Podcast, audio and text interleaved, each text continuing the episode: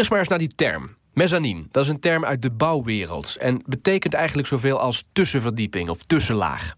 Nou, een mezzanine-lening wordt in de financiële wereld ook zo gezien. Je kunt zeggen dat de lening tussen het veilige bankkrediet... en het eigen risicodragende vermogen in ligt.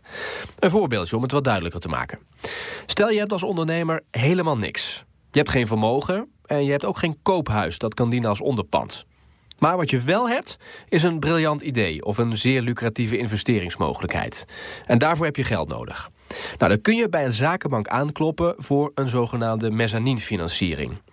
Dat is in feite een achtergestelde lening. Dus een lening die, stel dat het misgaat en je bedrijf failliet gaat... pas wordt terugbetaald nadat alle andere leningen zijn voldaan. Daarnaast staat er bij deze mezzanine-lening ook geen zekerheid... in de vorm van vastgoed tegenover de lening. En daarmee hebben we meteen het eerste mogelijke nadeel te pakken. Want het risico is bij zo'n mezzanine-lening best wel groot. Dus de bank die de lening verstrekt, die zal wat extra zekerheid willen... en die vraagt een hogere rente. En schrik niet, het gaat doorgaans om drie keer het normale tarief. Dus dat is behoorlijk. Maar het gaat nog verder. Los van het hoge tarief speelt bij mezzaninefinanciering ook de warrants een rol. Stel, het bedrijf van de ondernemer doet het goed en gaat naar de beurs. Dan geeft zo'n warrant de mezzaninverschaffer, in dit geval dus de bank... het recht om een deel van het aandelenpakket te kopen. En dat doet die bank dan tegen een vooraf afgesproken prijs. En dat kan lucratief zijn, want is het aandelenpakket meer waard geworden... dan profiteert de bank natuurlijk mee met de groei van het bedrijf. Maar goed, we weten allemaal, het kan ook de andere kant op slaan.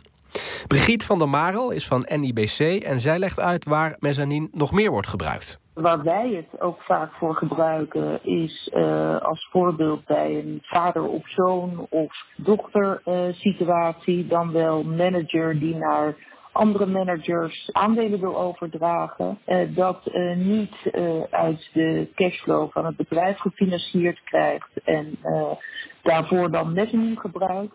Brigitte van der Marel van NIBC. Dan nog een ander ding. Want bij zo'n mezzanine-lening wordt gedurende de looptijd van de lening helemaal niets afgelost. Dat geeft de ondernemer natuurlijk ruimte. Maar daarentegen wordt er dus wel, we zeiden het al, een hogere rente betaald. Een ander belangrijk kenmerk van mezzaninefinanciering is dat het betalen van schulden onder bepaalde voorwaarden uitgesteld kan worden. Maar let wel op, want de te betalen rente wordt bij de schuld opgeteld of de schuld wordt omgezet in aandelen. Dat kan ook. Mezzaninefinanciering is er niet voor iedere onderneming. De onderneming moet in ieder geval beschikken over een gevestigde reputatie... of een gewild product hebben... of mooie winsten hebben behaald in het verleden. Nou, als de mezzaninefinanciering dan geregeld is... dan kan het een groot voordeel zijn voor de onderneming. De balanspositie wordt er namelijk aanzienlijk door versterkt... omdat mezzanin gezien wordt als eigen vermogen.